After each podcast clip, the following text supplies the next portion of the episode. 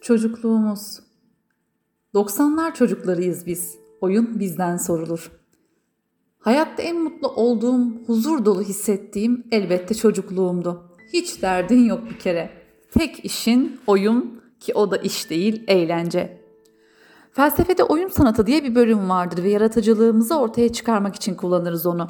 Ne kadar doğru bir yoldaymış zamanında. Geç saatlere kadar saklambaçlar, yakan top, istop, ip atlama, şarkı yarışmaları ve daha bir sürü. Henüz bilgisayarlara sıkışmadığımız zamanlar. Şimdi ben sizlere eve ilk bilgisayar gelişini hatırlıyorum diyeceğim ama bunu söylerken çok yaşlı gibi görüneceğim. Fakat o kadar da uzaklara gitmeye gerek yok. Eve ne zamanki bilgisayar geldi, işte o zaman biz o yaratıcılığımızı da kaybettik. Çünkü bilgisayar bizi oyunlara hapsetti. Önce dışarıdan eve çekti, daha sonra da tüm benliğimizi içine.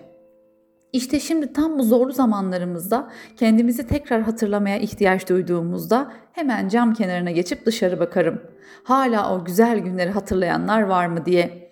Eğer birilerini görürsem oyun oynarken günüm güzel geçer. Ama boşsa bahçeler işte o zaman üzerime hüzün çöker.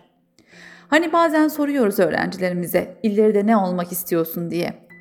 Şu an düşündüm de bir çocuğun ileride ne yapmak istediği geçmişte yaptığı şeylerle çok fazla ilişkili. Belki de günümüze yaklaştıkça çocukların bu kadar kararsız olmasının sebebi oyundan yoksun olmalarıdır. Ve ileri giden, başarılı olan kişilerin ise hayal güçlerini kullanmaları. O halde ne dersiniz?